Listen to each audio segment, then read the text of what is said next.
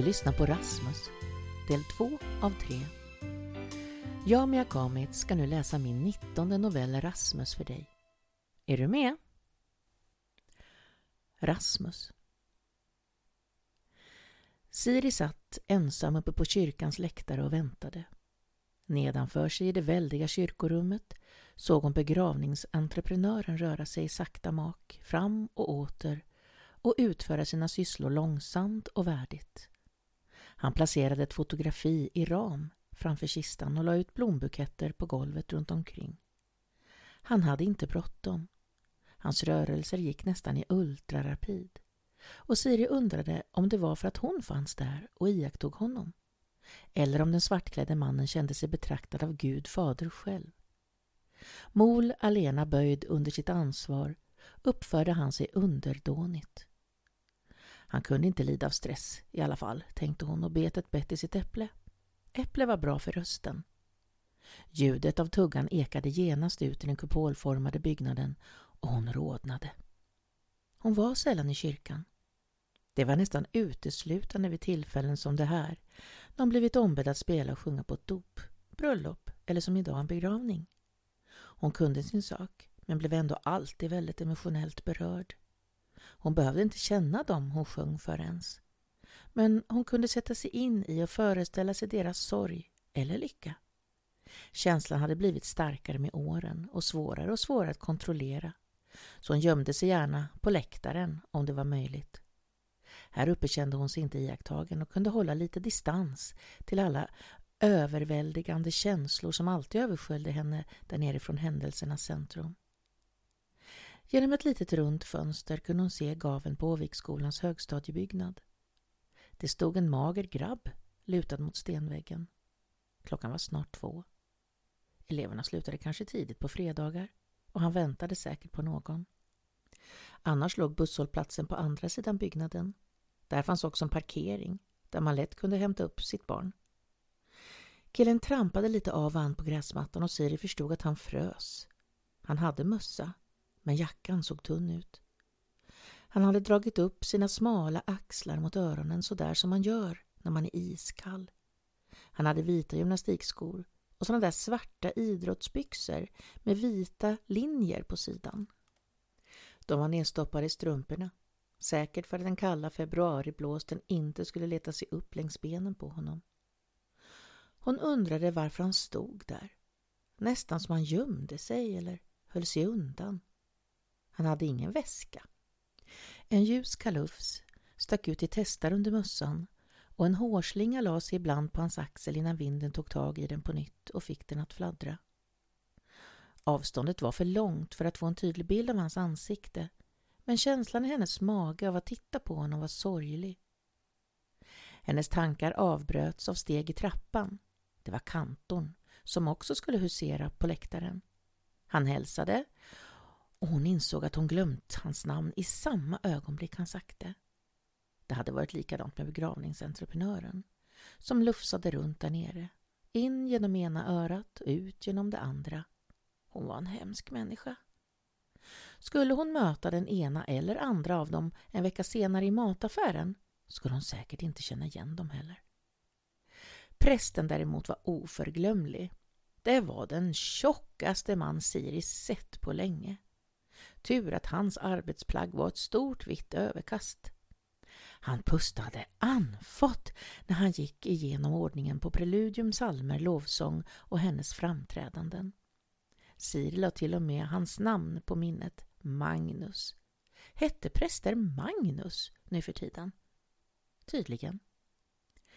Det började komma begravningsgäster till kyrkan och Siri smet upp på läktaren igen och hon tog ytterligare ett försiktigt bett på äpplet. Pojken stod kvar på gräsmattan tryckt mot väggen. Varför ställde han sig inte i lä eller väntade inomhus? Kyrkklockorna började slå och dåna. Nu var det snart hennes tur. Direkt efter det inledande orgelstycket var det hon. Under hela sammankomsten kastade hon då och då ett öga ut genom det lilla fönstret och pojken stod outtröttligt kvar i blåsten. Det gjorde ont i henne att se honom och hon bestämde sig för att när begravningen var över skulle hon gå ner till honom och fråga om han ville ha skjuts någonstans eller behövde hjälp.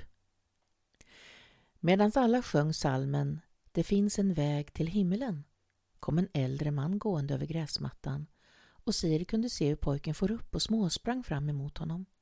Mannen var rundlagd och hade en oljerock över sin ljusbeiga kostym. Typisk lärare i historia, samhällskunskap eller religion, tänkte Siri och sträckte på sig för att se bättre. Fönstret var litet, men sagt högt upp. Mannens tunna hår flög okontrollerat hit och dit i vinden och Siri kunde se att han såg sig om över axeln. Han var obekväm med att möta den unga pojken där. Han ville inte att någon skulle se dem tillsammans. Han stannade inte heller för att prata med den stelfrusna pojkstackaren utan fortsatte med portföljen i handen rakt förbi honom. Siri kunde se att det stod en gammal Saab längre ner på gräsmattan under en väldig björk som febrilt försökte hålla fast sina svängande hängande grenar i blåsten. Siri var tvungen att resa sig upp och ta några steg för att kunna se det hon befarade. Jo, pojken hoppade in i mannens bil. Det som fick Siri att nästan dra efter andan var det att han inte satte sig där fram, utan i baksätet. Pojken måste dessutom lagt sig ner i sätet för hon kunde inte se hans huvud sticka upp när bilen sakta backade ut och körde bort från skolan. Siri märkte att hon hade slutat sjunga. Det kändes som hon hade fått ett slag i magen. Salmen höll dessutom på att avslutas och det var hennes tur igen att sjunga och spela sitt sista stycke på vandring i hembygden. Hjärtat bultade i bröstet på henne. Det där såg inte bra ut. Siri satt i sin bil utanför kyrkan och hörde hur det knakade och ven utanför i den förskräckliga blåsten. Ibland krängde bilen även till i en kraftig vindil. Hon var tacksam över att slippa vara ute i det här vädret. Pojken lämnade dock inte hennes tankar och hon förstod inte varför sådana obehagskänslor klamrade sig fast i henne. Han slapp ju stå ute i kylan längre nu i alla fall. Det kändes som han var i fara på något sätt. Och hon var den enda som kunde rädda honom. Det skulle vara en verklig mardröm att läsa rubriken i tidningen om några dagar. Ung pojke saknad. Eller ännu värre. Hittad död. Det kunde inte vara far och son. Eller var det möjligt? Åldern kunde stämma på en far och hans son. Men det var det där uttrycket i mannens kroppsspråk som utstrålade ett sånt avståndstagande. Hans ängsliga blickar runt sig för att försäkra sig om att ingen såg dem tillsammans. Han kanske var besviken på sin son, som borde vara kvar i skolan till senare på eftermiddagen, men visste att hans pappa slutade tidigt och ville passa på att åka hem. Det var också en anledning till att gömma sig i baksätet. Mannen skämdes kanske för att han inte kunde säga ifrån till pojken och fick honom att gömma sig så ingen på skolan skulle se eländet. Förklaringen var god men hjälpte inte. Oron rev i Siris mage. Det ena obehagliga scenariot avlöste det andra i hennes nu skenande fantasi. En sån liten och kall stackare. Kunde han ta hand om sig ordentligt? Resolut startade Siri bilen och körde bort till Åviksskolans parkering och stannade. Hon kände hur det kurrade i magen efter den överhoppade lunchen som hon ersatt med ett halvt äpple. Hon insåg skamset att den andra halvan fortfarande låg kvar på läktaren och blev brunare och brunare i samma takt som minuterna gick. Åh, någon skulle äcklad behöva städa bort det efter henne. Hon släppte till sist tanken och gav sig ut i den kraftiga vinden igen. Bildörren slets upp så häftigt att den knakade sina gångjärn.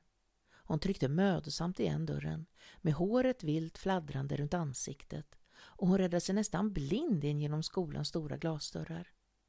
Hon såg att det var många ungdomar som satt där inne och tryckte. Ingen var väl sugen på att ge sig ut. Alla stirrade på henne och hon frågade första bästa ungdom inom räckhåll. Hej! Känner du till en lärare som kör en gammal Saab? Ganska storvuxen man, beige kostym. Du menar pedokrylle? Han har gått. Siri såg hur hela skocken av väntande ungdomar reste sig som på en ohörbar signal och strömmade ut genom glasdörrarna i ett kontrollerat kaos. Ah, hon insåg att de väntat på bussen och den skymtats nere på vägen och de var tvungna att skynda sig för att inte missa den.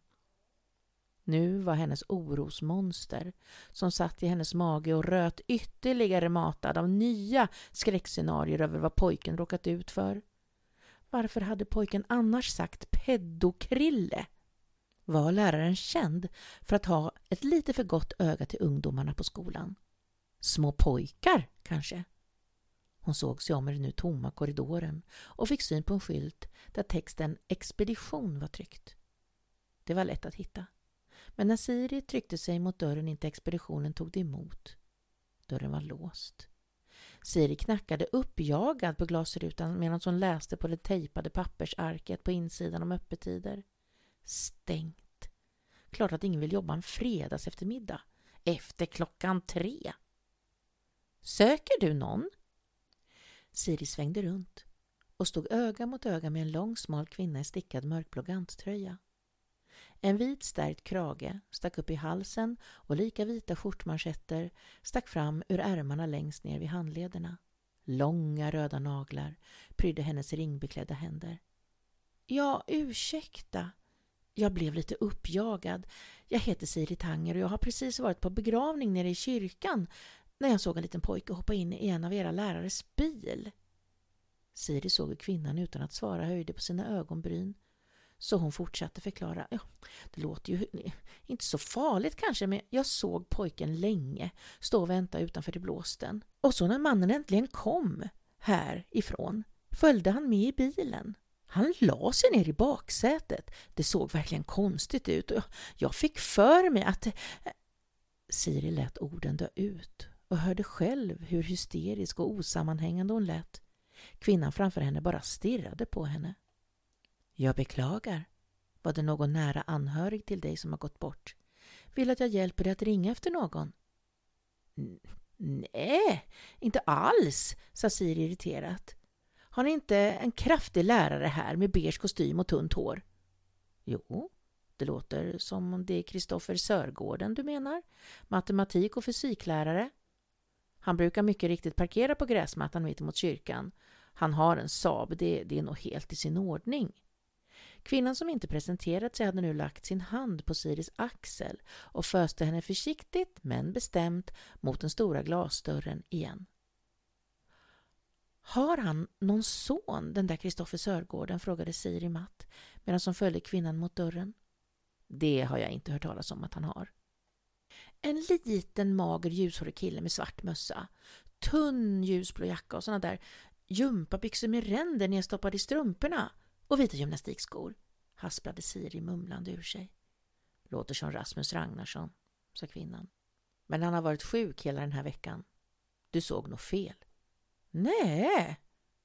Många barn slutar nu och rör sig i och omkring skolan. Den ena är den andra lik. Och Kristoffer har som sagt inga barn. Klarar du dig nu?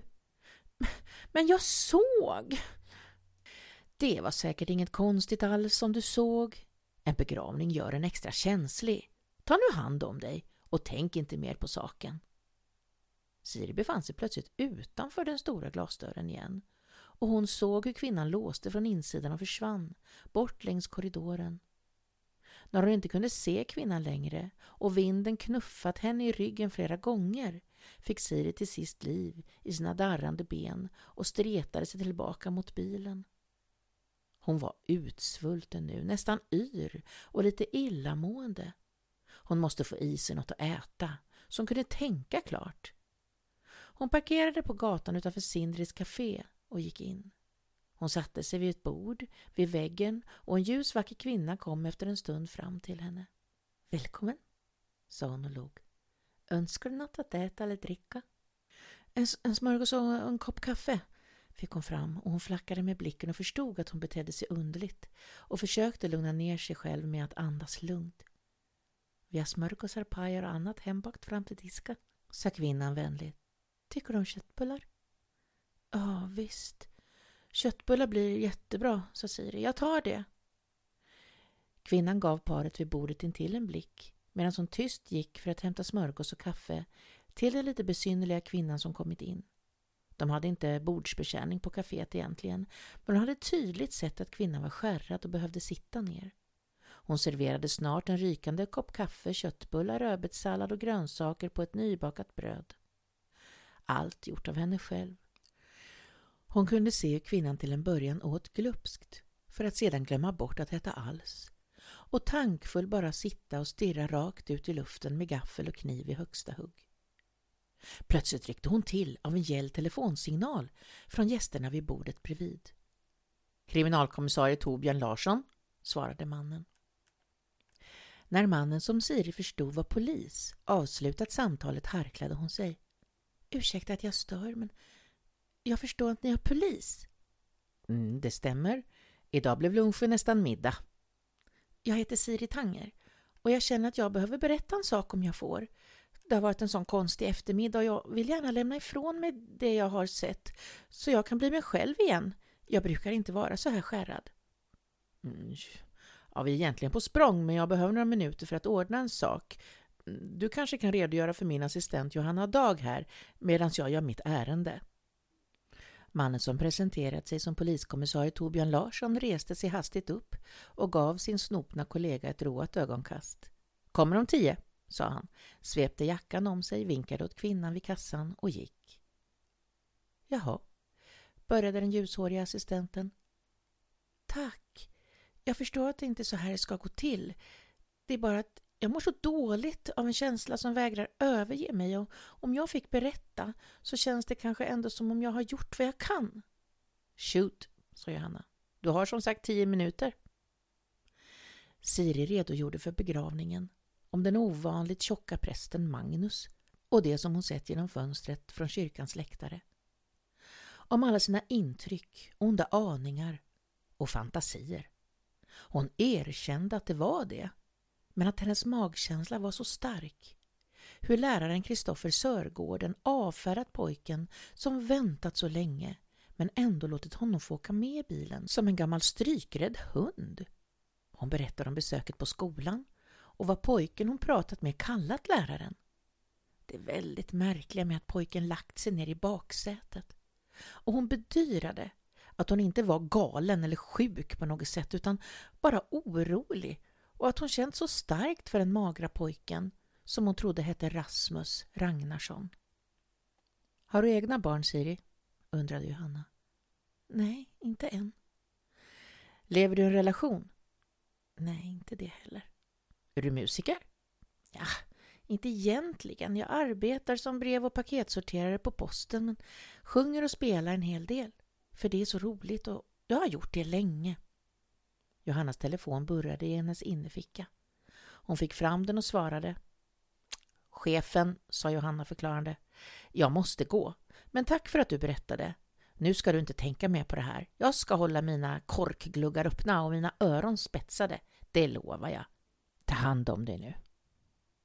Hon tittade mot kassan och nickade mot kvinnan som hon visste hette Anna och var gift med Sindri. De var invandrade från Island en gång i tidernas begynnelse och hade drivit kaféet på samma gata som polisstationen i åratal. Hon mötte Johannas blick och nickade tillbaka.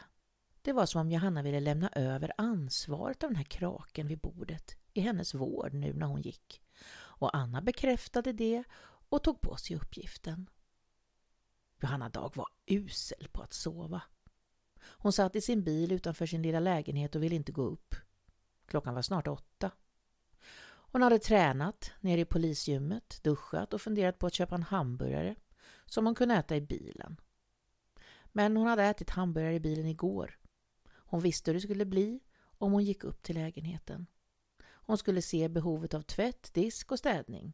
Kylen skulle vara tom och TV gjorde henne rastlös.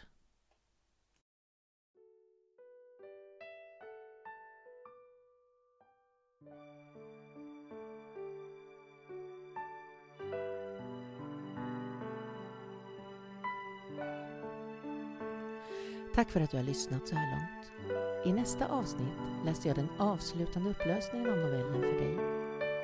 Ta hand om dig nu tills vi hörs igen. Hälsningar från mig, Mia Komitz.